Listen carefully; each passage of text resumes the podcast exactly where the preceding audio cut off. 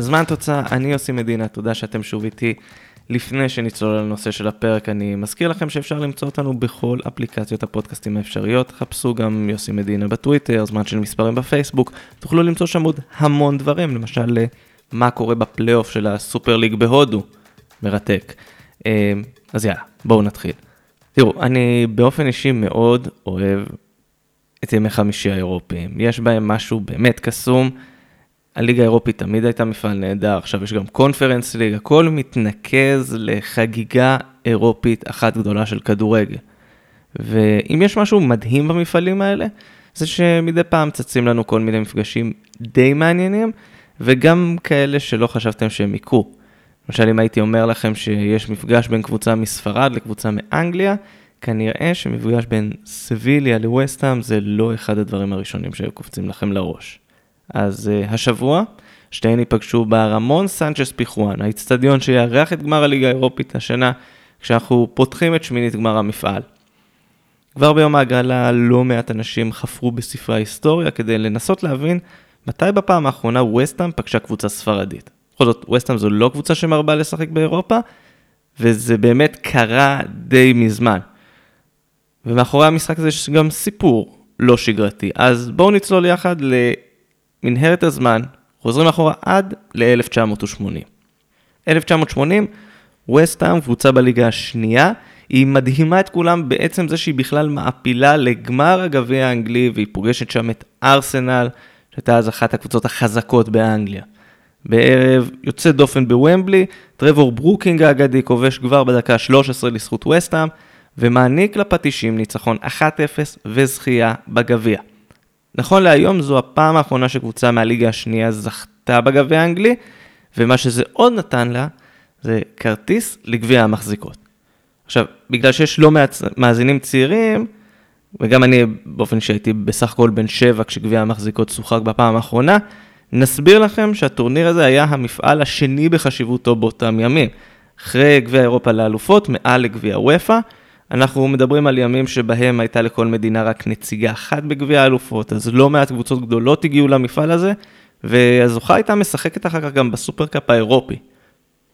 וסטהאם חיכתה להגרלה וגילתה שבסיבוב הראשון היא תפגוש יריבה מספרד. זה לא היה שם גדול, אלא קבוצה צנועה בשם קסטיה, שגם לה יש סיפור מהגביע הספרדי של 1980.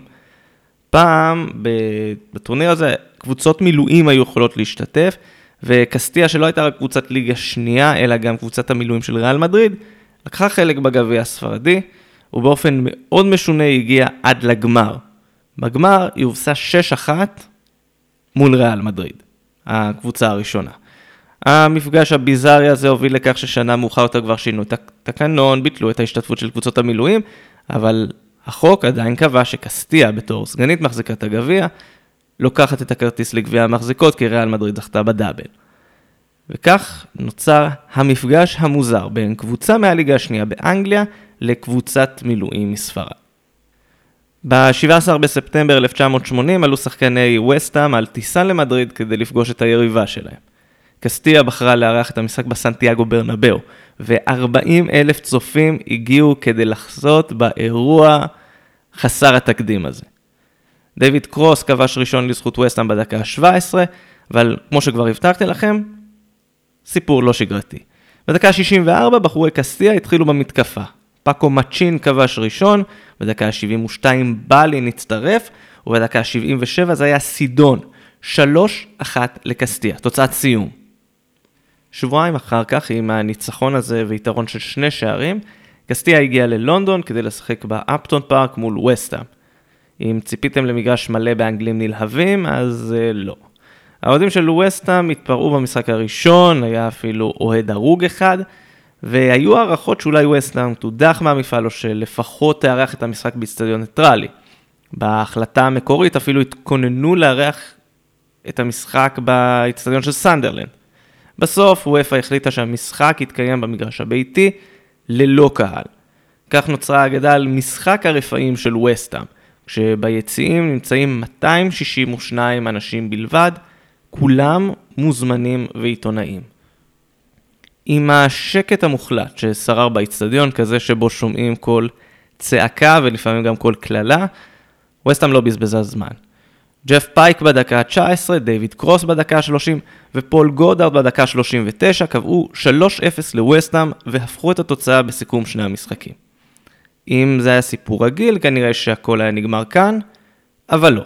דקה 56, ברנל מצמק ל-3-1, והמשחק הולך להארכה. בשלב הזה לדיוויד קרוס, שכבש במשחק הראשון וכבר כבש במשחק הזה, נמאס. אז הוא כבש פעמיים, בדקה ה-102, בדקה ה-119, השלים שלושה משלו, קבע 5-1 לווסטהאם, 6-4 בסיכום שני המשחקים, והביא לסיום בשעה טובה ומוצלחת את הסאגה הבלתי נגמרת הזו. מה שקרה לווסטהאם בהמשך המפעל, לא קשור אפילו בקצת למה שקרה בשני המשחקים האלה מול קסטיה.